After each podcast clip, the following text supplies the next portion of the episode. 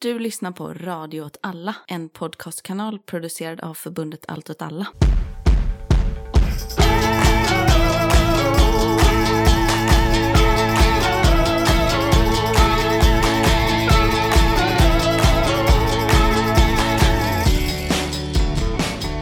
Hej och välkomna till rörelse Udda krig och perspektiv. med mig Martin Hansson. Och med mig, Myran Andersson. Oj, vad du tog i när du pratade där. Oj, Um, med dig. utmärkt. Utmärkt, livet är på topp. Livet är på topp. Du rullar hatt varje dag. Kan inte önska mer, säga. Ditt glas är fullt så att säga. Ja. Du kan inte önska mer än du har det nu. Eh, Det är bara att hoppa från en bro så att jag liksom slutar på topp nu. Fantastiskt. Vad är det som har hänt? Ehm, jag har börjat ett nytt gott jobb. Du har Jag med har- jobb, ja. mm. Lyckligt eh, nykär. Du är nykär. Du, är- det är nästan eh, äckligt att träffa dig. Ja, Mm. Du är, um, varsågod. går som på moln. Jag har eh, fått bra data eh, i mina försök. Jag fick nyligen en god peng, bildupphovsrättspengar, alltså STIM fast för serietecknande.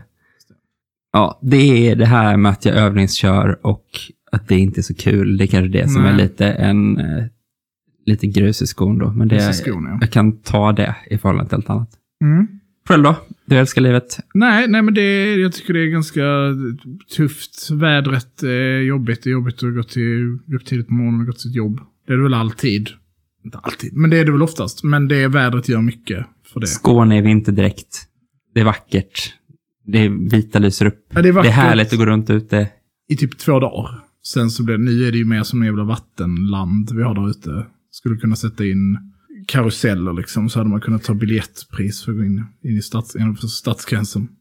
Nej, men, men så är det väl med mig. Ehm, man känner väl lite att energin tryter liksom så här oss. Det, och det skapar väl att eh, det blir svårt att göra mer saker än att typ gå till sitt jobb, vara en helt okej vårdnadshavare och sova. Men du, tänk på härligt att sova Andersson. Wow. Jag har inte haft en god natts sömn sen... Jag kan fan inte komma ihåg när jag sov bra senast. Alltså det, jag vet inte om det någonsin har hänt i mitt liv. Alltså nu när jag jo. jobbar liksom med bebis eller så, så när jag var spädbarn och liten. Men det var som att innan, jag- innan jag blev förälder, då hade jag väldigt stora insomningsproblem. Alltså det tog skitlång tid att somna. Just det, du kollade på jättemycket serier. Ja, men det var så. Det har alltid varit så. Det har varit så liksom, så länge jag kan komma ihåg. Det tog lång tid att, att sova. När jag var liten så kommer jag ihåg att jag lys- fick liksom ligga och lyssna på så olika typ um, Lucky Luke eller Bert-band. Vilket så här i efterhand är konstigt. Bert är konstigt. alltså. Men vi får göra ett Patreon-avsnitt om Bert någon gång. Men, men ehm, sen blev jag förälder och då har ju insomningen har ju blivit bättre om man säger så. Det är lättare att somna. Men jag sover ju otroligt oroligt. Alltså. Och vaknade tidigt fast du är ledig och sådana saker. Ja. Och jag vaknar ju på nätterna. Greppande kudden, skrikandes rätt Nej, ut i men the med, jag drömmer också väldigt mycket. Så. Ibland är det roliga drömmar, ibland är det nice. Liksom. Så jag kommer ofta ihåg drömmarna alltså, halva dagen. Innan Mm. de tynar bort nu, nu för tiden. Men, eh, nej, men så är det väl. Men, men ja, vad fan. Jag ska inte klaga. Jag har pengar i fickan, jag har en bostad och partner och barn. Så det är väl inget att över. Men det jag ville komma till var väl att på grund av att det är lite så, så här så tänker jag att det här avsnittet blir lite sånt ihopkok. Vi håller ju väldigt hårt på att vi ska hålla upp vår utgivningstakt på två avsnitt i månaden då, ordinarie avsnitt i månaden. Ehm, och i tider av semester eller av andra saker så, så påverkar det ju lite vilken typ av avsnitt vi gör. Och jag tänker att det här avsnittet är ju typ ett, vi ska göra nu ett nyhetssvep. Ja. Mer eller mindre. Så jag tänker att vi bara kör igång med det. Min, min nyhetsrapportering kommer mest handla om 1800-talet, men ja, Ja. absolut.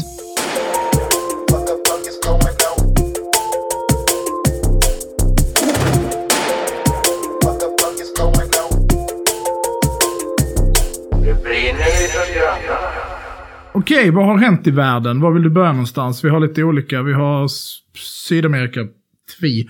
Vi har eh, USA, vi har Palestina, vi har Ukraina, vi har Nordamerika. Börja i Nordamerika då.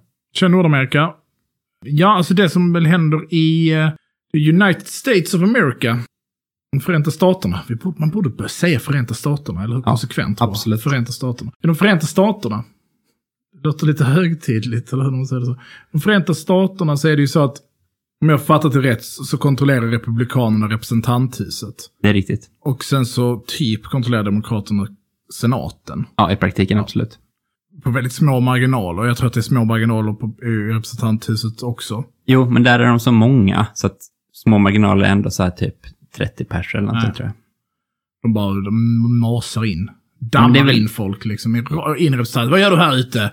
Du där. Vad är det? In med dig i representanthuset. Är det så? Hur många är de? Jag tror att de är är typ så 100 000. här 700 pers liksom. Inte så många då. 600 Ett jättestort svenskt bröllop. Ett ganska litet arabiskt bröllop. Helt okej stort. Ja. Okej. Där är det så att Republikanerna kontrollerar ju representanthuset och så kontrollerar Demokraterna senaten. Och detta har jag då lärt mig idag att det är det som är kongressen. Ja. De här två instanserna tillsammans. Och jag har ju ingen koll på det här funkar, men som jag fattar det så måste de här två olika instanserna, de kan liksom ha olika sätt eh, sabotera eller liksom fördröja då beslut som ska tas. Men senaten har mer makt. Är det korrekt förstått? Ah, jag kan inte det här heller. Jo, men eh, nej, jag vet inte. Hur som har Då är det ju liksom grej att Republikanerna, Jag tror att de gör olika saker liksom. Okej. Så att de bestämmer mest över det ena och budget hamnar på ena stället och lagar på andra eller något Absolut. sånt, något sånt. Ja. det är säkert så, vi vet inte. Nej. Det som har hänt är ju att Republikanerna, de är liksom inte så taggade på det här Ukraina-stödet. Just det. Uh, och det hänger väl liksom ihop lite med liksom Magagänget. Låter inte lika bra på svenska. Det låter jävligt dåligt på engelska också. Magagänget. Det har ju styrt upp en protektionistisk amerikansk modell på något sätt. Och en, liksom lite på grund av att man har så jävla mycket, så vill jag tolka det i alla fall, pumpat in i liksom de här polariserande konspirationsteorierna och liksom alla de här, de här grejerna under Trump-eran. Så istället då för att vara krigshögs-USA, så är ju liksom Magagänget så här, Taxpayer dollars är det väl mycket. Sk- varför ska vi åka runt och rädda världen och spendera våra pengar på detta? Vi måste fixa vårt eget land. Mm. Ja, Det är liksom... vi är ju så himla goda i USA. Ja. Och gjort så mycket himla bra när vi varit runt i världen. Och det har inte alls varit för att gynna våra egna intressen. Utan det har varit för att gynna de andras Världsfreden. intressen. Pakistan talar- till exempel. Gud vad de har tjänat på att ha oss där. Betala massa pengar till FN hela tiden och sådana saker. Mm, men det är ju det liksom Men som är det, som är ingår. det. Så det är istället en protektionistisk linje där liksom, ja men vi ska inte hålla på med det här. Och alternativet är ju då att eh, vi ska inte intervenera i, liksom, och lägga oss i andra konflikter. Ja, precis. Protektionism, men också icke-interventionism då är liksom... Ja, det är väl, protektionism är väl interventionismens motsats. Är inte det mer så här typ tullar och att man ska ha en egen jo, marknad? det hänger Alltså, väl liksom jo, ihop jo, det hänger ihop, man ska liksom absolut. inte så, Ja. man ska inte, man ska inte blanda sig med, med resten av världen på något sätt. Nej. Ja. Ehm, och det är många länder i världen som vore tacksamma om USA hade avstått från att blanda sig. Hur som haver, så, så är det deras linje och de har ju, eftersom att USA är så här att det politiska spelet i USA är så uppskrivet nu, så då är det ju att allting den andra sidan gör är skit. Per definition, liksom, de kan inte. Så att Trump-högern, Trump-republikanerna, driver ju liksom någon anti-Ukraina-stödslinje då. Som är så, varför ska våra skattemedel gå till det här? Det finns mycket viktigare saker vi kan göra. Då tänker du kanske viktiga saker som sjukvård eller skolor eller att de slutar ha någon konstig ritual av att man mördar barn inne på skolor. Eller vad det nu kan vara. Hemlöshet, Precis. Något sånt. opiad, opiatkris. Ja. Nej. Det, Det de inte det. kan lägga pengarna på istället, Vad är det? Vad är det? det är då att förhindra babbarna från Mexiko att komma till USA. Ah, ja. Mega mer murar och Ja, sånt. precis. Ja, det kostar mycket. Det kostar mycket, det är det. Eh, och eftersom att Biden ville nu få igenom en 100 miljarder dollar nytt liksom stödpaket. Och det verkar ju vara som att de får typ en budget. Och sen bränner de liksom den budgeten på att skicka olika vapensystem. Och det ska ju sägas att liksom, jag minns inte siffran, men jag tror att det är mellan 70-80% av allt de skickar är amerikanskproducerat. Så det är ju liksom, De säljer lite sin egen... Ja, de säljer ju sina egna prylar. De Ja. säljer ju saker som de själva producerar. Så det är ju liksom... Det är som en konstig variant av vårt friskolesystem. Ja, just det. liksom. Nu satsar vi på skolan. Fast det enda ni gör är ju liksom att ge pengar till de här... Den killen med hög sån cylinderhatt där borta. Hur är han? Nej, det, satsar, det är en satsning. Vi satsar på honom, och, eller förlåt, vi satsar på Ukraina, men vi satsar på honom. Eh, Och de har då börjat blockera den här med argumentet att Biden inte släpper igenom den här muren. Och det är också så att de blockerar även stöd till Israel till viss del. Inte lika stor, så det är lite mer komplicerat. Och de släpper väl igenom det om stödet till Israel finansieras genom andra budgetnedskärningar. Aha. Nu löper ju liksom det sista, jag tror att det sista paketet skickades nu. Är typ mest artilleriammunition framförallt till HIMARS och lite liksom andra bös så skickades på något så här futtigt värde av 100 miljoner dollar eller någonting. Ha. Han med cylinderhatten. Han har skrattar pengarna. Och då har man liksom bränt den stödbudgeten som har godkänts. Ja. Så att nu då vid nyår så löper liksom den, i början av året så löper liksom den ut och då måste en ny förnyas. Och det är det man sitter i representanthuset och blockerar just nu. Ja. Och det är ju liksom så här, om man då tar läget i Ukraina så, ja, nej men alltså det vi pratade om i senaste avsnittet, att det sker ju liksom ryska anfall. Eh, runt Bachmut, runt Advika och så vidare. Och det man kan se på slagfältet som blir tydligare och tydligare för varje vecka som går är att nu är liksom Ryssland igen tillbaka på att ha ett eldövertag. Sett till artilleri. Och det är ju det som räknas i det här kriget. Ehm, de har fler pjäser. De verkar ju framförallt ha fler pipor, för det är ju en jättegrej som blir ett, som ett problem som ju har löpt under hela kriget, men blir aktualiserat, eller blir mer och mer akut hela tiden. Att Ukraina förlitar ju sig på i första hand sovjetiskt krigsmateriel. Alltså, så är det. De får massa fräcka grejer. Det är ju väldigt få, sett till krigets skala, ganska få. Ehm, och det gör ju att de grejerna de har går ju sönder. Ja. Eh, framförallt pipor klarar ju bara ett visst antal granater och sen så måste man byta dem. Och det finns ju inte riktigt en producent av sovjetiska artilleripipor. Alltså det, det är väl Arsenal då i Bulgarien eller vad det skulle vara. Men, men det är inte piporna och det är inte pjäserna som är den stora grejen. Den stora grejen är brist på ammunition. Och det är därför man också ser nu en stor ökning av hur liksom i, i, i filmen, och det här kan man tolka liksom av propagandamaterialet, att vi ser också mycket mer fokuserat på propagandamaterialet från Ukrainas sida blir fokuserat på drönarattacker. Och ganska så då civila drönare som är ombyggda till att bli armerade då på något sätt. Eh, Så nu är det ju liksom att det är ju verkligen någon typ av fattigmansartilleri idag. Eh, Lätta drönare med liksom laddningar som flygs in i, i fjorden och så. Mm. Så då är det ju lite den, vad händer om USA stryper?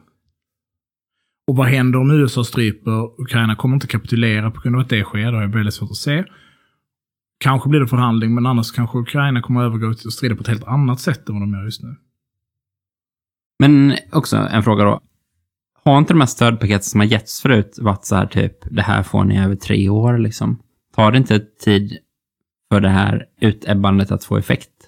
Det ligger ju saker som ska levereras. Så är det ju till exempel de här Abrams, de här M2orna som USA skrev. De har ju börjat komma i fält nu, men, men det var ju verkligen så här, men de här kommer om sex månader eller åtta månader.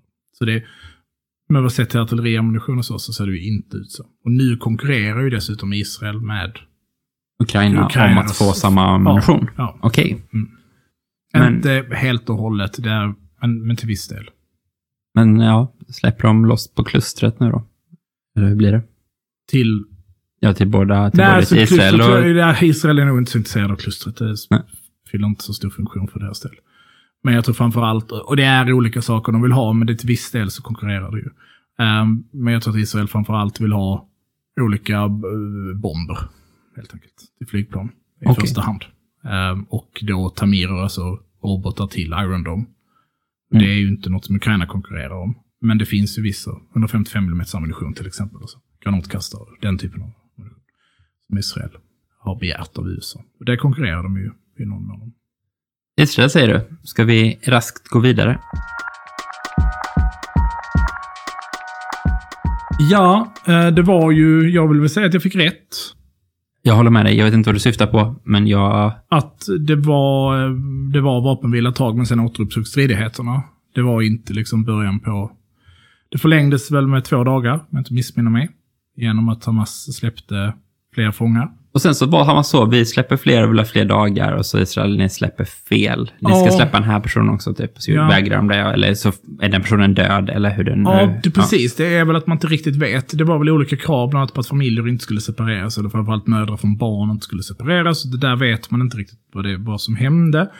Om det är så att någon av dem har dött under tiden de har varit fångar, alltså då blivit mördade per definition. Om man tar någon till fånge och sen dör den under tiden den är ens fånge, så kan man ju säga att det är ett mord. Ehm, men stridigheterna är igång.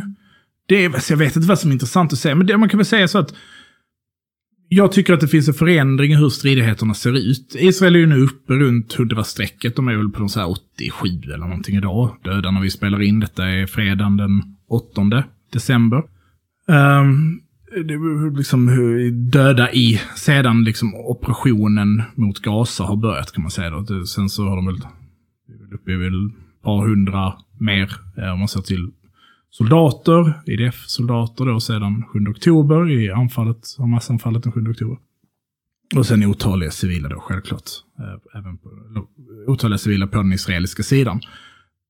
Det som väl jag tycker att man kan se har förändrats är att jag fick intrycket av att Hamas, jag har fått intrycket av att Hamas och, och PI och de andra grupperna som har varit som mer aktivt har stridit mot den israeliska offensiven, har eh, i norra Gaza agerade på något sätt i försvar i djupet med någon typ av tillbakadragande, Stridigt tillbakadragande, där det var ganska lätta eldöverfall, man såg inga riktiga trupp, eh, liksom koncentrerade, hårda försvarspunkter, utan, utan det var ett mer och det kan ju vara till följd av den ofantliga bombkampanj som föranledde offensiven. Ehm, det vi har sett sen Israel då har börjat anfalla ytterligare söderut sedan vapenvilan upphörde är ju kanske mer då ett hårdare försvar. Eh, och jag menar inte nödvändigtvis att det är mer framgångsrikt.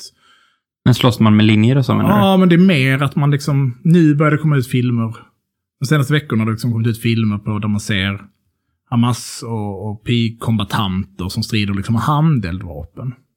På ett annat sätt.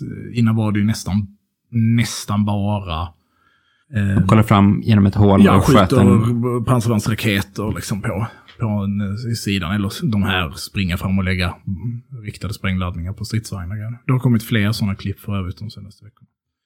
Finns det några bilder där man ser en, tang, eh, en stridsvagn koka utav det där?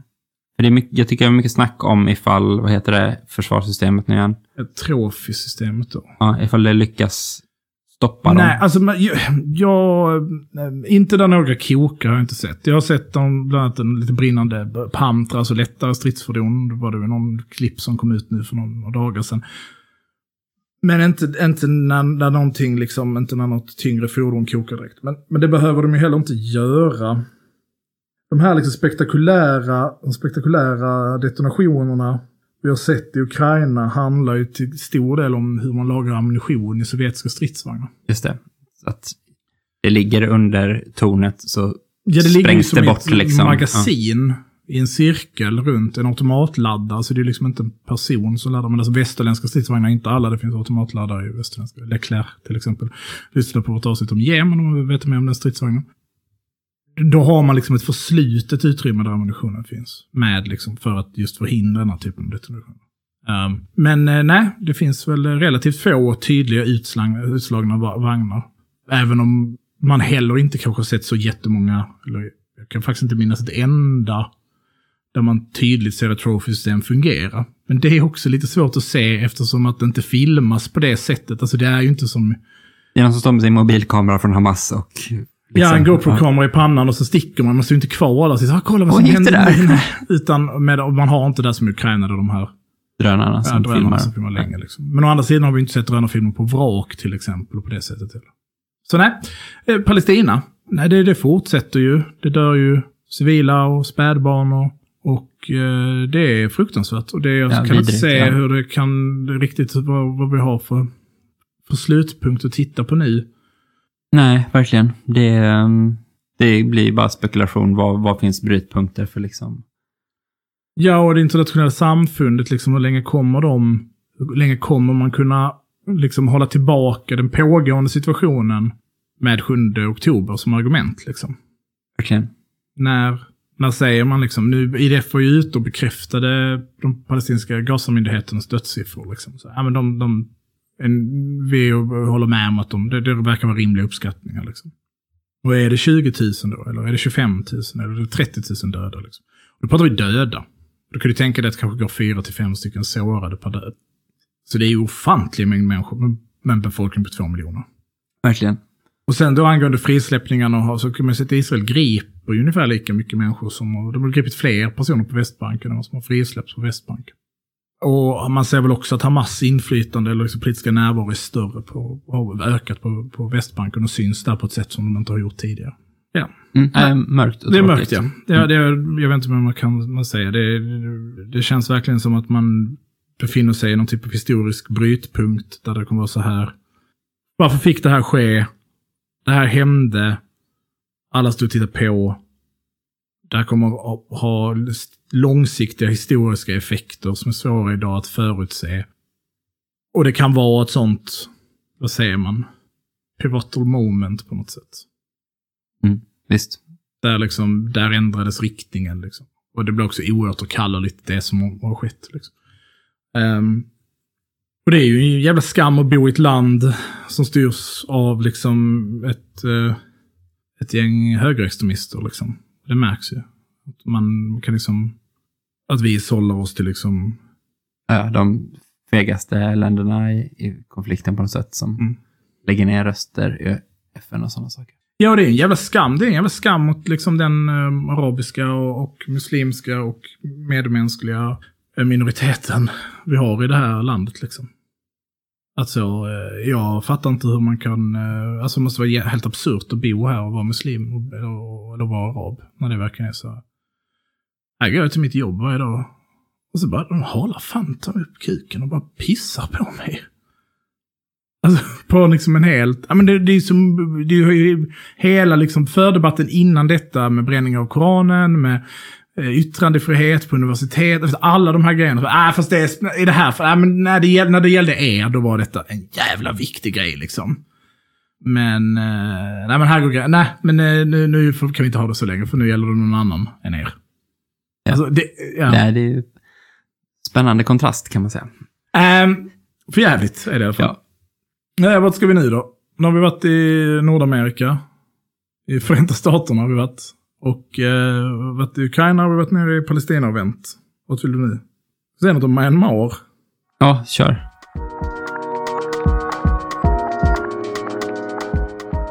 Jag, kan, det här, jag har ju pratat om det innan, men det går ju fan inte att förstå den konflikten. Den är, det är så många olika aktörer. Men det är ju en jävla junta i Myanmar liksom. Ja. En ganska klassisk junta. Tänk en junta. Det, den är så. Det har ju varit liksom stridigheter där skitlänge. Uh, sen juntan tillträdde. Av massa etniska och politiska, ja, ni känner igen det där gränsdragningen, olika fraktioner. De sopar liksom bara på juntan riktigt hårt nu. Alltså, de, får, de, de dänger den. Okej. Och tar mark, liksom. Städer och... Har det växlat lite? För det har inte varit så hela tiden Nej, men det varit väl först en fas där det var lite så här defensivt, eldöverfall, lite grilla. Men nu tar de städer och skit. Liksom. Okej. Ja. Ockuperar polisstationer och... Och sen är det så här koalition med 16 olika grupper som heter så här, vad är detta för något liksom? Ja. Någon som är så här, vi konfederalister som YPG liksom och så har de någon konstig så stödgrejer till varandra liksom. Och så. Sen någon annan som är så här, vi har bara 3D-skrivna vapen. Så här. alltså, ja. Men de verkar ju sopa på juntan och juntans svar verkar bara vara så här, men om vi bara dödar jättemånga civila, då kommer de sluta. så det känns ju verkligen som att de målar in sig i, i ett hörn. Liksom. Och sen har ju det en massa geopolitiska bakgrunder, men det får vi väl återkomma till. En snabb vända till Myanmar. Okej. Eh, då blir det, går vi runt här. Afrika har vi någon... Ja, det borde väl du svara på. Det är stats... Då är det Niger egentligen. Ja, nej, det har jag inte kollat på länge. Det, det är ju inte någon invasion i alla fall. Eh, parlamentet blev upplöst i Guinea alldeles nyss. Parlamentet i Guinea blev upplöst precis Ja. under tiden vi spelar in. Nej, för fyra dagar sedan. Ja, I Guinea-Bissau, ska jag säga. Ja. ja. Inte Guinea såklart. Nej, men för att jag menar att eh, det var en kupp på gång. Och det är ju inte ett helt kuppfritt område, så kanske låg någonting i det. Men ja, oppositionen kontrollerar parlamentet, så det är också lite smidigt att kanske lösa upp det. Ja, ja. Vet du vad Guinea låter ganska mycket som? Gu- Gu- Guam. Guam. Guam. Ja. ja. Det ligger ju, då går vi varvet runt här så kommer vi till Sydamerika. Ja. Ja, jo men man, man har ju hört att det tisslas och tasslas lite om, om Guyana, som väl heter. Ja. Inte att blanda ihop med franska Guyana eller Surinam. Nej, Nej, som är grannländer. som är grannländer. Vilka kan du alla grannländerna? Eh, Brasilien, Venezuela och Surinam.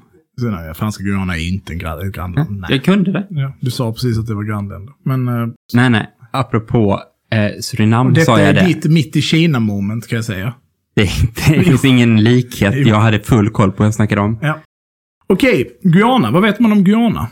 Det känns som att de har bra fruktodlingar. Tänker man ju spontant. Ja, det kanske du tänker. Mm. Jag tänker vad jag läst på Wikipedia Ja. alldeles nyss.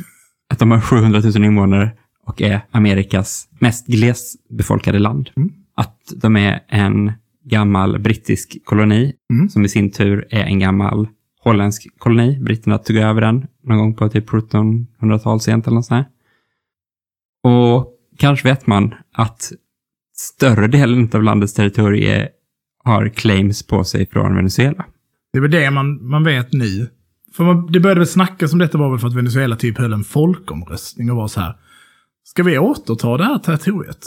Ja, var det precis. det som var folkomröstningen? Så det Ja, var det genom mina- folkomröstningen är väl så här, är, håller du med om att det är en brottslig nationell skam att vi inte har gjort det typ? Eller så, alltså, det formulerat på ett sånt sätt som bara, tycker du att vi med alla tillbudstående medel ska kämpa för vår rätt till det här landområdet och sådana saker? Det, stod, det var väl inte så, ska vi kriga? För det har de ju sagt att de inte ska göra liksom. Men, ja, vibben är ju det ändå, att de ska ha det med våld liksom på något sätt. Potentiellt. Men då tänker man ju lite så. Ja, Venezuela går inte så bra ekonomiskt. Ja, en klassisk kritiker av Maduro och Mm. andra venezuelanska presidenter hoppar väl lätt på det spåret då, att det här är typ en fråga då som, då kan man ju tänka så. Det här är bara för att försöka liksom ena landet, spela upp nationalism, för att liksom stärka sig själv som president. Som sagt, oppositionen i Venezuela stödjer liksom helhjärtat det här också. Alla är överens Alla är taggade. Att det här är vårt land och så. Mm. Och då känner jag lite så här, aha, men vad fan, det här nationalismen, det har ju antagligen ingen riktig basis. De försöker bara sno ett annat land. Då går man in på Wikipedia och läser lite. Ja, men ändå. Dra mig baklänges! Faktiskt verkar det som. Och då får vi liksom hoppa tillbaka till 1800-talet. Och Venezuela blir då självständigt från Spanien. Och Guyana har varit en holländsk koloni och blir en brittisk koloni. Och då börjar man tjafsa om det här landområdet så. Vems är det egentligen? För det har väl varit liksom oklart under tiden när vi har koloniserat och så. När det inte har funnits några riktiga resurser, det har ingen riktigt brytt sig om vems det är liksom. Eh, britterna upptäcker att det är någon tysk botaniker där som typ ritar kartor när han går runt och letar växter. Och de bara, den där kartan ser intressant ut. Du blir ansvarig för att liksom rita upp gränsen vem som är vems. Mm. Eh, och då ritar han, han heter något eh, märkligt och hans linje blir liksom då deras förslag, britterna, på vad som är deras territorium. Venezuela motsätter sig det där och då blir liksom diplomatiska härjningar om det. Men det är också fortfarande så att det finns liksom ingenting där, så ingen bryr sig riktigt. Det är bättre att ha handel och sånt än att bråka om det här landområdet, så man kommer bara överens om att ingen ska kolonisera det nu. Liksom. Sen då, 1850 cirka, uppkommer ett problem. Nämligen att man hittar massa guld i det här området. Då blir det såklart jävligt intressant igen. Ja, är det Vems det är. Är Ja. du ett land söder om ekvatorn? Har du en viktig naturresurs? Aj, aj, aj. Absolut. Eh, så då så tycker britterna att det är deras och de börjar liksom eh, bryta guld där. Mm. Britter som börjar bryta guld. där. Ja, alltså engelskspråkiga personer. jag, jag tror det är väl liksom ingen slaveri då, Nej, liksom, utan okej. det är väl bara att man eh, åker till olika ställen i världen och övertygar folk att komma och jobba. eh, mer eller mindre framgångsrikt. Men då är Venezuela så här, vad fan ska vi göra mot den här supermäktiga brittiska flottan? Det är liksom på topp av den tiden, va? Där är du. Är- är- 1800-talets andra hälft. Då har britterna en riktigt god flotta, va? Ja, ja. Jag bara säger att det var två stora slavuppror i Guyana. Ja. Ja. Och Men det det... förbjöds 1833, förbjöds slaveriet. Så du... Ja, ja. Jag har rätt i tid. alltså Ghanas nationalhjälte heter något så här också, Fussy eller någonting. Mm. Och är- ledde ett av de här slavupproren. Ja. Mycket indisk eh, arbetskraft. Mm. Gissy. Bissy. Ja, det är synd att jag inte kan det här. Det blir tangerar rasism. Då är Venezuela så här, men USA har ju hittat på det här med Monroe-doktrinen Mm. som säger att europeiska makter, eller foreign powers generellt, får inte blanda sig i angelägenheter på de amerikanska kontinenterna. För att det ser USA som ett hot mot sig själva. Och i början så är det väl framförallt, de får inte kolonisera mer. Och jag menar, Monroe-doktrinen nu är väl mest känd för oss som bara så, USA har ett officiellt claim av att de ska bestämma allt som händer i liksom eh, Sydamerika. Mm. Och en ganska dålig vibe då. Mm. När det kom på den tiden, då såg sig det ganska positivt.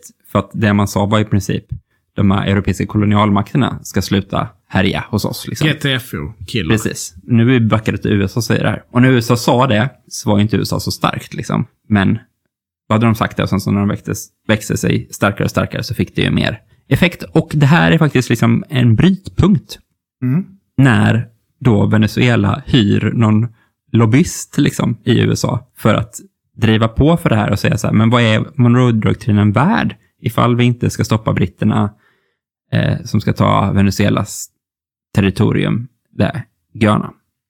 Och det liksom blir framgångsrikt. De får igenom att USA liksom kräver, går in och kräver att det ska vara en skiljedom om det här området istället. Och britterna accepterar också det. Lite för att de kanske tvingas till det, men kanske också för att det typ spelar in i deras intressen av frihandel och sådana saker. De pallar väl inte ett krig heller liksom. Det... Det kan väl vara så. Ja. Och den här skiljedomstolen, den, eller skiljedomen, den ges av fem stycken domare.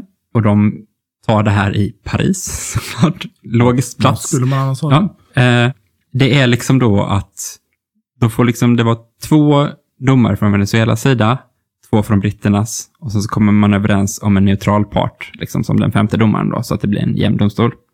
De venezuelanska domarna är ju då amerikaner. Mm. För de Okej. får liksom inte företräda sig själva, utan det är USA som ska göra det.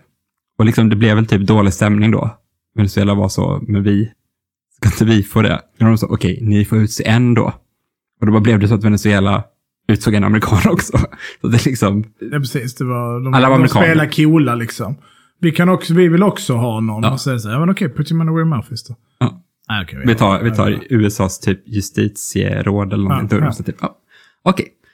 Så har de sin förhandling och så kommer de med sin slutgiltiga liksom skiljedom. Mm. Och då är det så, ja, britterna får 90 procent av det ni delar om. Liksom.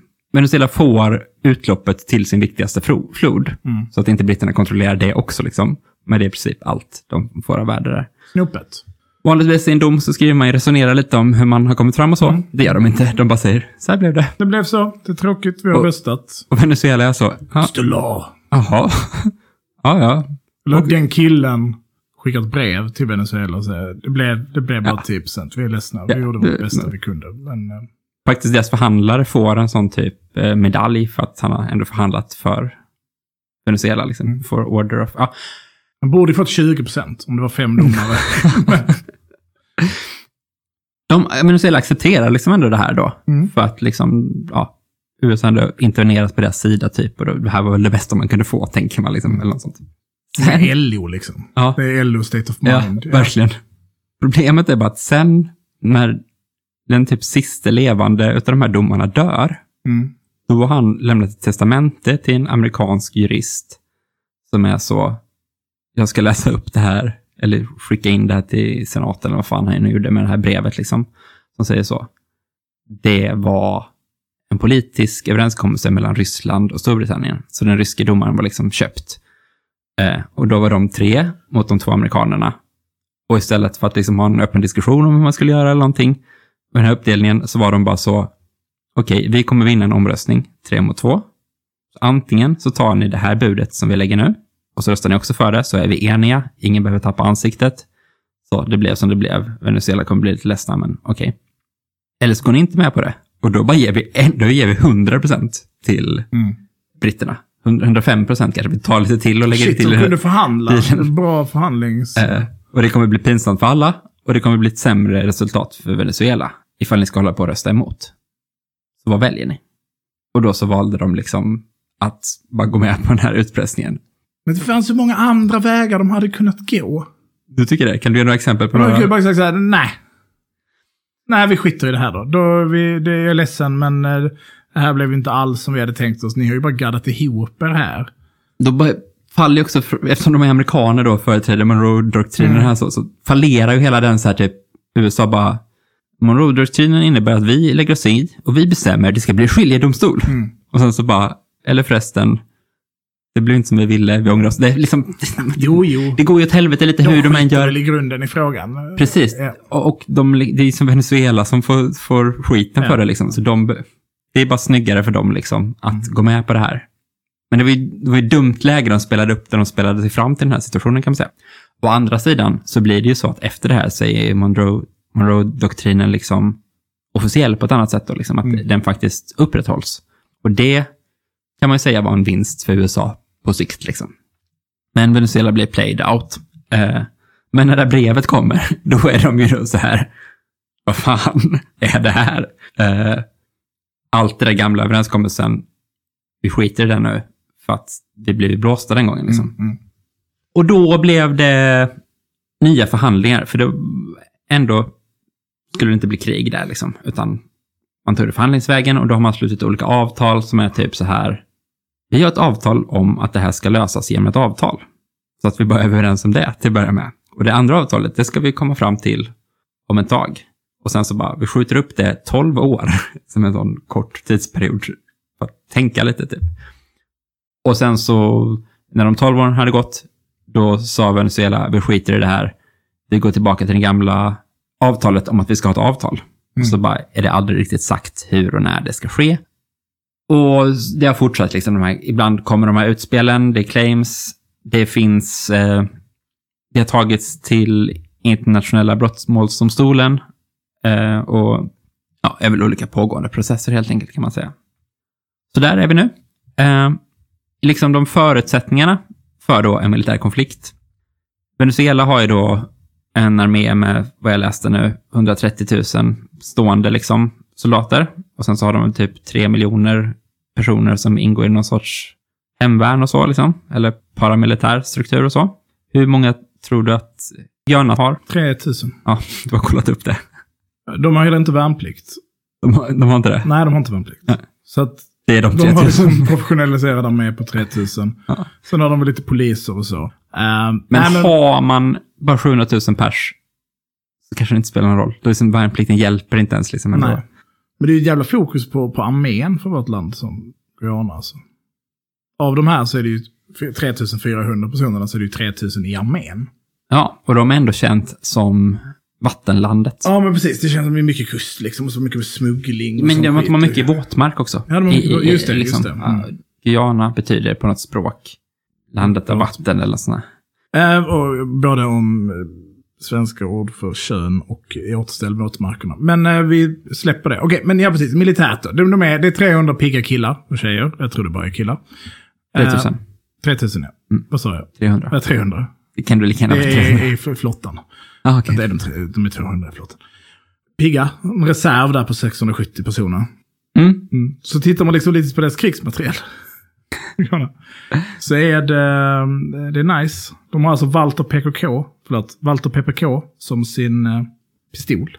Jag vet inte vad det är. Ja, men det är liksom James Bond, du tänker den gamla James Bond-pistolen. Coolt. Ja. Eh, sen har de lite så schyssta brittiska andra världskriget k-pistar. Sen är det ju som alltid jävla massa sovjetiska prylar. Okej. Sen så började det vara så kolonialstats bonanza-vapen. Så de, eh, de, liksom, de rockar M16, USA. Ja. FAMAS, den franska, automatiska minnen, kalla kriget liksom. Eh, FN Fall, Belgien och, eh, och sen... Eh, Finns det liksom. Black Friday för stater? Liksom? Att de ibland kan köpa riktigt stora partier av liksom så här... det heter 90-talet. Sovjets kollaps var... Ja, men de här FN-fall och de liksom då, hur har de... Eller köper man bara några sådana för Flash? Liksom, Nej, eller? jag tror, att, jag tror att det är så att man när andra stater fasar ut vapen. Ja, då får kan man man bra deal. Här, men nu kan inte vi köpa ert lager. Liksom. Jo, det gör. Um, bland kulsprutor på Wikipedia då, så tycker de att de har brännkulsprutor. Alltså det är också så här. eh, Andra världskriget kanske sämsta kulspruta i Europa. Okej, Um, den brittiska. Tänk, den är liksom magasinmatad uppifrån. Så här. Den ser liksom... coolt ut i för sig. eh, Ja, det är bra. Sätter det på ett fordon kanske. Um, inga stridsvagnar whatsoever. Inga liksom luftvärn som är liksom så här mer än något du håller i handen. Och sen har de ju då heller inget flygvapen. Alltså som kan strida.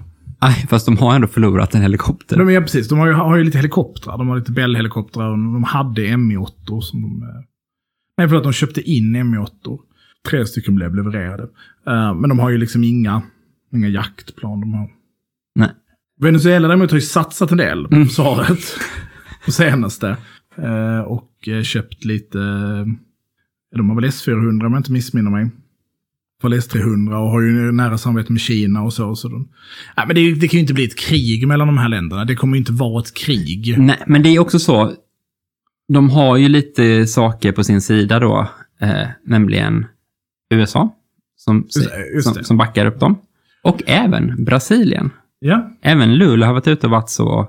Nej, men det, det här, får, får ni inte göra. det, här, det här får ni inte ta. Det här, de har tydligen bra, Guam och Brasilien har klassiskt bra relationer. Och ja, Brasilien har flyttat liksom trupp till gränstrakten då. Som du kanske minns jag sa så är Brasilien ett grannland då. Och eh, de, det finns liksom en trepartsgräns där med alla länderna. Venezuela, Brasilien och Guyana. Det är väl som är väldigt intressant handlar väl om att... Eh, jag kan också säga dem inte, att de inte har någon flotta heller. Kan man säga. Bara- Bara sticka in Sticka det. in det. Men, men, men, att, men att det kommer ju i ett läge... Jag skulle säga att de har förlorat en helikopter för att den har kraschat. Ja. De typ spanade väl på vad Venezuela gjorde ut med gränsen och så kraschade helikoptern. Det är det som händer när man sätter sig i en helikopter. Ja, Den blir, skåp, den blir som till en skåpbil. Um, uppe i luften. Men, men att det kommer ju, liksom, man kan väl ändå säga att det kommer ganska lägeligt för Ryssland, det här. Absolut. Eh, och det kommer ganska olägligt för USA. Visst. Eh, för att man kan väl säga att innan Ukraina och innan det sket sig fullständigt med Iran, då satte ju USA ganska mycket press på Venezuela. Um, inget liksom jätteseriöst militär, alltså Silver Corps-grejen som vi har pratat om när de skickar in de här killarna med soft airguns räknas ju inte liksom. Men, men sen Ukraina-kriget så har ju liksom USA försökt närma sig på något sätt eh, Venezuela. Lätta stämningarna. Venezuela är en stor oljeproducent. Det är ju gott med den här oljan. Och det glömde jag säga lite, men det är också så här typ kanske en anledning till att det har blossat upp nu och Venezuela är taggad igen. Vissa vad man har hittat i det här omstridda området. olja. Olja. Ja. Och i kusten utanför också har de hittat olja liksom. Och vem är där och prospekterar den oljan? Yankee Doodles. Exxon Mobil som blev utsparkade i Venezuela. Lite. Så det finns ju någon sån fuck you-grej från Exxon Mobil också då. Att de är så, ja, vi blir utsparkade från Venezuela, men det territoriet ni säger är Venezuela, där är vi och hämtar olja nu istället och så då. Mm. Så det är verkligen så att typ, allt var lugnt där tills man hittar guldet på 1800-talet. Nu är det så, det var lugnt igen ett tag, nu hittar de olja, då blir det halabaloo igen. Man spelar olika datorspel och så, så är det alltid så jävla bra att hitta viktiga naturresurser. Men historiskt sett så verkar det vara skitdåligt att hitta bra naturresurser. Äh, men, men så att man har ju läget då att ska USA liksom inte, ska USA hamna i en egen väpnad konflikt nu eh, runt eh, Guyana? Eh, är det liksom, eh, och, och den pressen, och vi vet att Venezuela och Iran har eh, ju en mycket nära, de har en ganska nära relation. Det sker ju visst liksom vapenhandel. Men Iran har till exempel skickat oljefartyg eh, till eh, Venezuela som har varit eskorterade av iranska örlogsfartyg och så. Alltså det finns ju liksom en stämning där i den här Axis of Resistance-grejen om att de är kompisar liksom. Och i hela den jävla clusterfucken med liksom Ukraina, Palestina och så är det så, och här har vi en till konflikt. Hur många konflikter pallar USA? Hur, hur, och, och liksom inte pallar de, för de är, inte, de är ju inte något av de här krigen. Ja, de är väl lite i Irak och Syrien där deras baser beskjuts, men, men de är inte en aktiv part i en, en, en konventionellt krig eller ett asymmetriskt krig på det sättet. Men pallar de, pallar de en till? Nej, men jag tror ju inte, efter att ha läst om det här, så är min känsla, det kommer inte bli något att åka av liksom. Nej. Eller så då har det varit att det inte har tillhört Venezuela i praktiken sedan 1880-talet. Liksom. Det är så 150 år. Liksom. Ja, visst, du kan ha, piska upp liksom, nationalistiska stämningar på ett sätt kring det, men det har ju svårt att liksom, se att man verkligen vill erövra någonting som de facto är ett annat land nu för tiden. Liksom. Det är ju inte bara som att de tog det igår och du, du kan bara rulla in och ta tillbaka det, utan det är ju, liksom, det är ju inte Venezuela längre. Liksom. Nej. Eh, Men lite gränsområden och så. skulle Det kan man ju tjafsa om. Ja. stoppa oljeutvinningen, man kan göra det osäkert för Just ExxonMobil, det. man kan kustvattna utanför. Sådana saker kan ju hända liksom. Det, visst. Jag kan ha fel också, det kanske blir full-blown krig mellan Brasilien och Venezuela. Är detta den Tror svarta svanen? Hur bra, skulle, hur, hur bra är Brasiliens Den är militär? köttig alltså. Det, den Ja. är köttig. Venezuela vill inte ha ett krig mot Brasilien. Det är en stor ekonomisk kraft i området. Eh, De har den här grejen med att de typ bedriver ett krig mot sin egen civilbefolkning. Eh, Så de har ju liksom militariserad styrka. Ehm, Och har ju liksom en, till viss del en inhemsk militärindustri, krigsindustri. De producerar de här JAS Gripen, de, de har producerats ju i Brasilien eh, på licens. De har en del stridsfordon och så som Brasilien säljer. Bland annat den här fruktansvärt fula. Kolla om Guyana har den, det skulle inte förvåna mig. Eh, jo, de har den. Kaskavellen. Eh, som ser liksom ut som ett barn som har ritat en stridsvagn. Nice. Okej, men det ser ut lite som en, alltså det är en BM, alltså... Ja, fast det, du tänker ju precis att det skulle vara, det är ju inte en stridsvagn på något sätt. Nej. Utan det är ju en, ett, en, ett stridsfordon då, liksom en IFV. Um, den, är, den har sex hjul och en stor kanon för att, att vara så liten som den är. Så, så den ser väldigt fånig ut. Um, så det är väl en uh, tungt bestyckad pansarbil i någon mening. Ja, Ja, jag har inte så mycket mer att säga om Nej. det, helt enkelt. Uh, jag, men, jag hoppas också att det inte blir något. ja. Det är tråkigt. Du är ständigt i imperialisternas tjänst. Nej, jag vet inte. Det kommer inte bli ett krig. Eller då blir det ett krig mellan Brasilien och Venezuela. Det är ju ett storkrig på något sätt. Och då kommer USA lägga sig i. Definitivt. Och ifall Brasilien inte skulle lägga sig i så är det ju bara för att Venezuela tar det där. Men det är så extremt svårt att tänka Mm. mig att det kommer bara bli. Ja.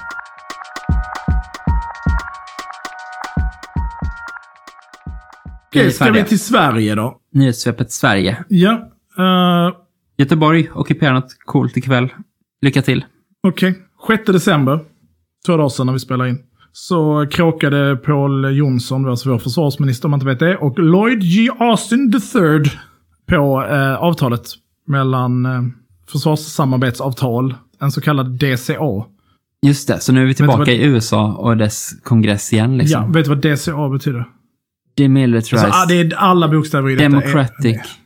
Eh, du, Defense. Jaha. Um, C1. C- Compliance. Corporation. Corporation. A1.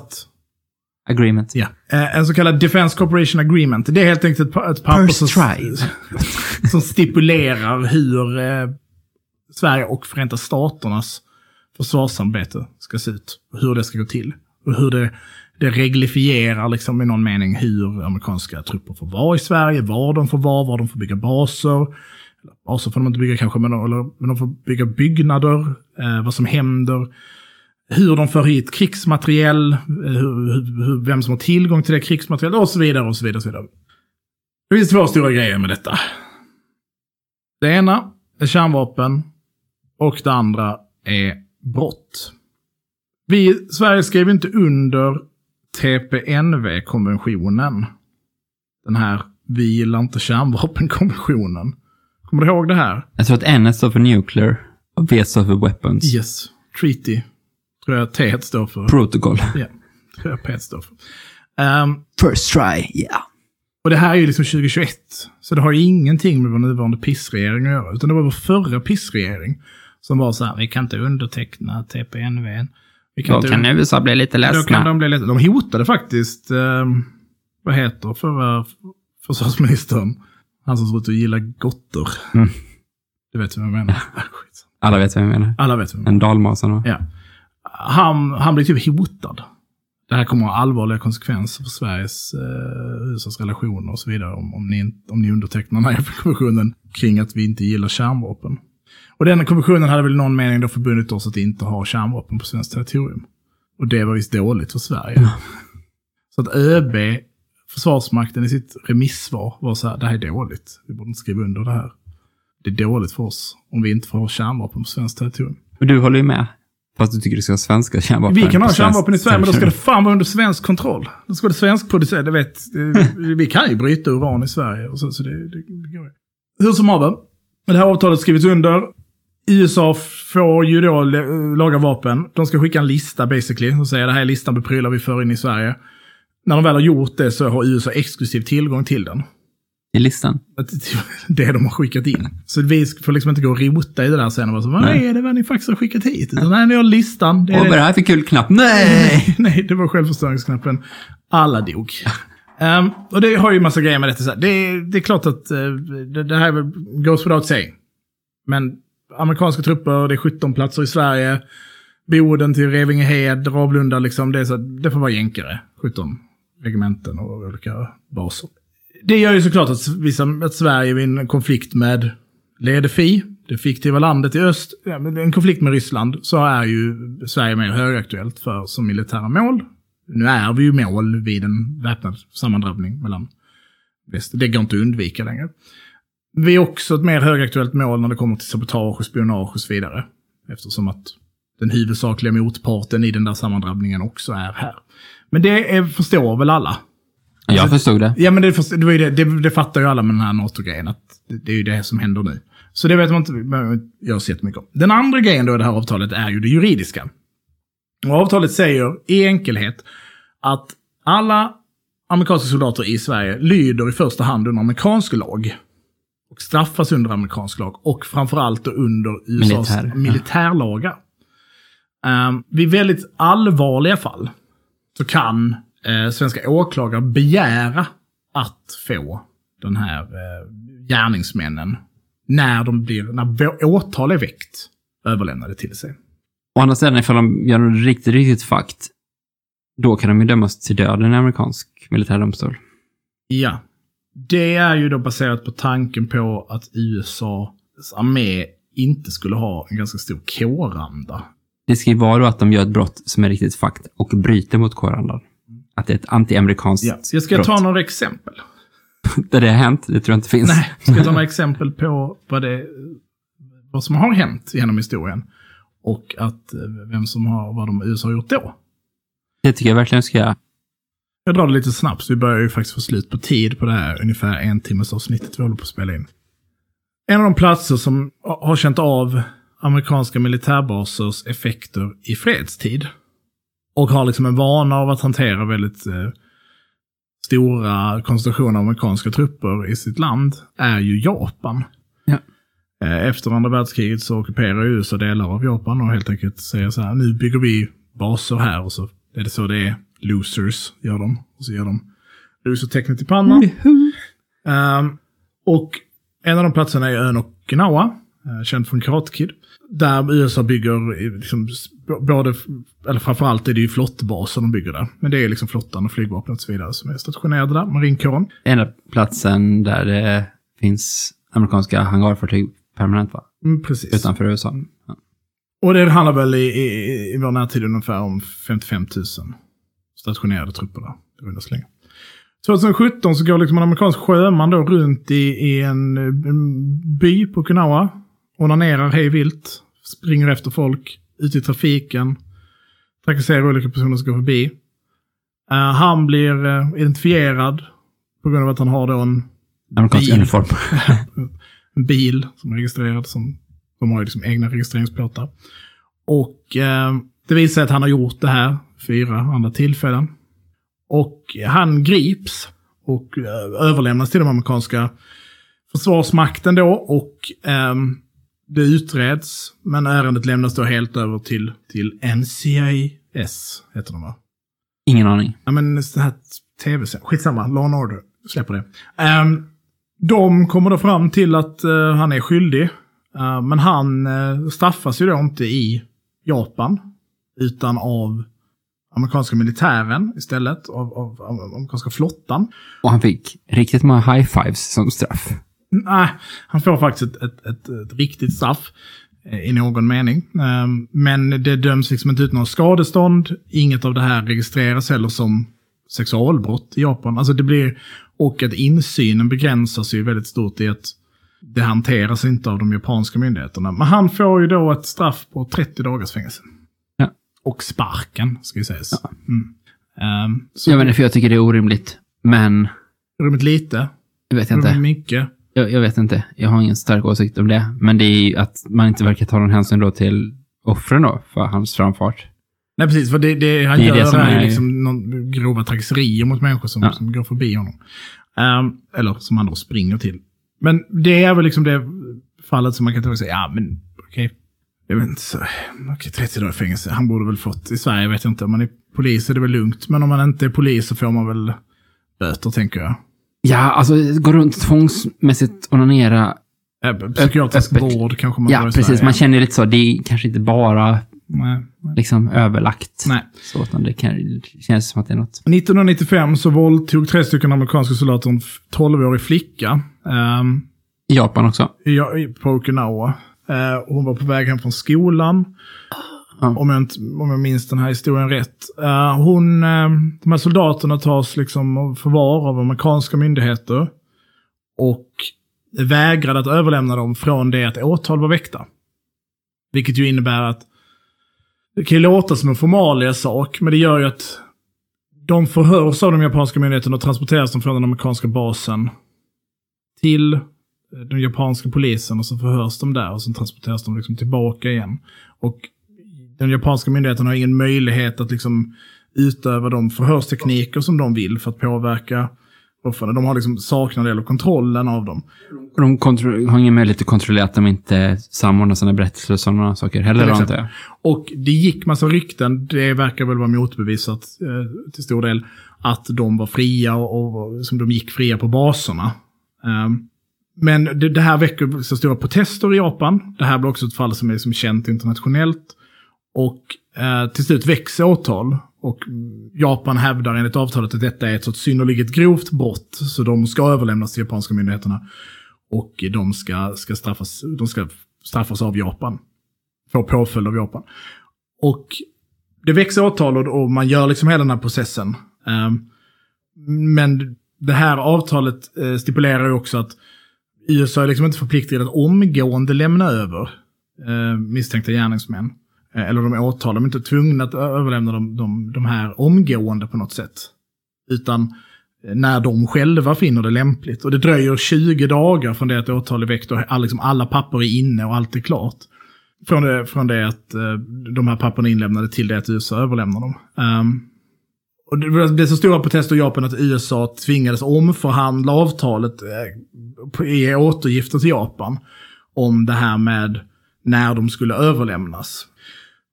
Och det finns ju liksom en, en, serie sådana här brott som har skett i Japan. Det här är verkligen inte de enda två ärendena, det finns många liksom. Men det, finns, det är inte bara knutet till Japan, utan vi har ju... Det finns ett ganska stort fall som är omskrivet i liksom amerikanska försvarsnyheter eller tidningar. ehm, som berör en uh, människohandelskedja. Ja. Eh, Från Thailand till, eh, till, till Mellanöstern kan man väl säga egentligen. Till Bahrain, heter det så? Bahrain. Bahrain. Eh, Där amerikanska flottister eller sjömän helt enkelt då har styrt upp eh, bordellverksamhet. Ja. Tagit passen från kvinnor från Thailand och så vidare. Eh, Och detta har ju skett i princip framför... Det verkar vara som att man har en bas, en flottbas. Och sen kan man ha liksom off-base boende. Och i de off-base boende lägenheterna som de här sjömännen har haft så har de liksom haft de här kvinnorna som då har saknat pass och så vidare. Som man haft dem och sen har man sålt dem. Så man har varit liksom både sexköpare och hallikar samtidigt på något sätt. Torskar och hallikar Ja. samtidigt. Vidrigt. Äh, skitvidrigt. När detta liksom exploderar på något sätt till följd av att en av de inblandade kvinnorna, som både då har varit inblandade i termer av hallick, men också som prostituerad. Hon har liksom rört sig mellan de två rollerna. Hon har liksom varit en del i det här. Hon går till, till myndigheterna med det. För att han, en av sjömännen som varit inblandade, har inte velat typ lämna tillbaka hennes pass. Alltså det är liksom en sån grej. Så börjar eh, Det nystas upp liksom. Ja. Eh, och eh, man vet ganska lite om de här. Det är liksom en läcka som har visat att det har skett. Man vet ganska lite om den här utredningen. Det man vet i alla fall att Hon pekar ut två gärningsmän som varit de pådrivande i detta och då varit pådrivande i termer av människohandel och, och, och varit hallickar. Eh, hon kan liksom styrka detta med chattar och olika typer av dokumentation. Det bekräftas av amerikanska flottan att det här är ett, ett jättestort problem. Att bla bla bla bla, bla. Men det slutar hela med att den ena av de här två männen blir åtalade för brott på militärdomstol och det är för ett fall av sexköp. Ja, så det minsta möjliga man kan. Liksom. Ja. Och sen så vet man inte. Man vet inte vad som hände med kvinnorna. Man vet inte vad, liksom, vad hände sen. Det, den historien är inte offentlig på något sätt. Och eh, nu har ju Sverige valt att ingå en CDA. Och jag tror inte det kommer bli någon våldtäktspandemi till följd av de här, den här situationen. Men jag tror man ska liksom vara tydlig med att det här är ett ganska stort av, frånträde av vår syn på, på juridik, liksom på rättssystemet. Rättsstaten. Ja, Ja. Med vår offentlighetsprincip och med hur vi liksom behandlar den här typen av saker. Och inte minst då sexualbrott specifikt, som är någonting som Sverige eh, har helt ett, ett annorlunda sätt att förhålla sig till många andra europeiska länder angående hur det ska dokumenteras och följas upp och så vidare. Eh, och en lagstiftning som skiljer sig ordentligt ifrån den amerikanska sett till vad som definierar till exempel en våldtäkt. Och jag är ju emot NATO-ansökan. Jag är emot att vi har skrivit en CDA av många olika skäl. Eh, och jag tycker bara att den här CDAn understryker ju på något sätt problemet med hur stora förändringar då, alltså inte bara i vår utrikespolitik, inte bara i vår säkerhetspolitik, men också i liksom rent juridiska principer har frånträtts utan en riktig samhällsdebatt om det här. Det här avtalet var, i- var inte känt innan det undertecknades. Man, man, det var dagen innan, den 5 december, som det började cirkulera att det skulle ske. Eh, Bland annat för att Paul Jonsson var, befann sig i, USA och det här undertecknades på Pentagon. Ehm, men att allt det här har liksom hänt utan någon debatt. Och är, är bara enligt liksom någon typ av chockdoktrin. Och det tycker jag är verkligen är, är, det är för jävligt. Ja. Kort sagt. Att de Förenta Staterna Här. Ja, nej, men liksom att, att man kan göra så här. Jag fattar att folk var skiträdda efter Ukraina. När kriget i Ukraina bröt ut, i den fasen det befann sig då. Jag fattar liksom hela den grejen. Jag fattar hur chockdoktrinen fungerar. Eh, och jag förstår att det är svårt att liksom hålla huvudet kallt i en sån situation. Men det är ju inte den 24 februari längre. Och vi är inte Sydamerika. Nej. Nej. Eh, med det så behöver vi avsluta. De muntra orden går vi ut på. Mm. Um, bli patroner, ge oss alla dina pengar. Så podden kan leva vidare. Vad blir nästa patronavsnitt? Nästa patron, jag vet inte riktigt vad det blir. Det kanske blir någon grej. Förra gången var det en kulturpryl. Det kan bli en kulturpryl. Det kan bli Napoleon-filmen. Det kan bli Oppenheimer. Det kan bli Barbie. Det är mycket saker i luften samtidigt. Okej. Film är en lågoddsare i alla fall. Det är det väl. Eh, så bli patroner, ge oss alla dina pengar, köp en t-shirt i julklapp till någon du tycker väldigt illa om. Man kan följas på sociala medier. På Twitter heter jag Trojkan3037, du heter att Slukhall. Man kan följa oss på Blue Sky, där heter jag Martin Hansson och du heter Myran Andersson. Man kan följa oss på Facebook, där heter vi Eldrörelse. Man kan följa oss på Instagram, där heter vi l.och.rörelse. Coolt, coolt. Tack så mycket för att ni har lyssnat. Tack så hemskt mycket. Ja, det är fint. Hej då! Hej då!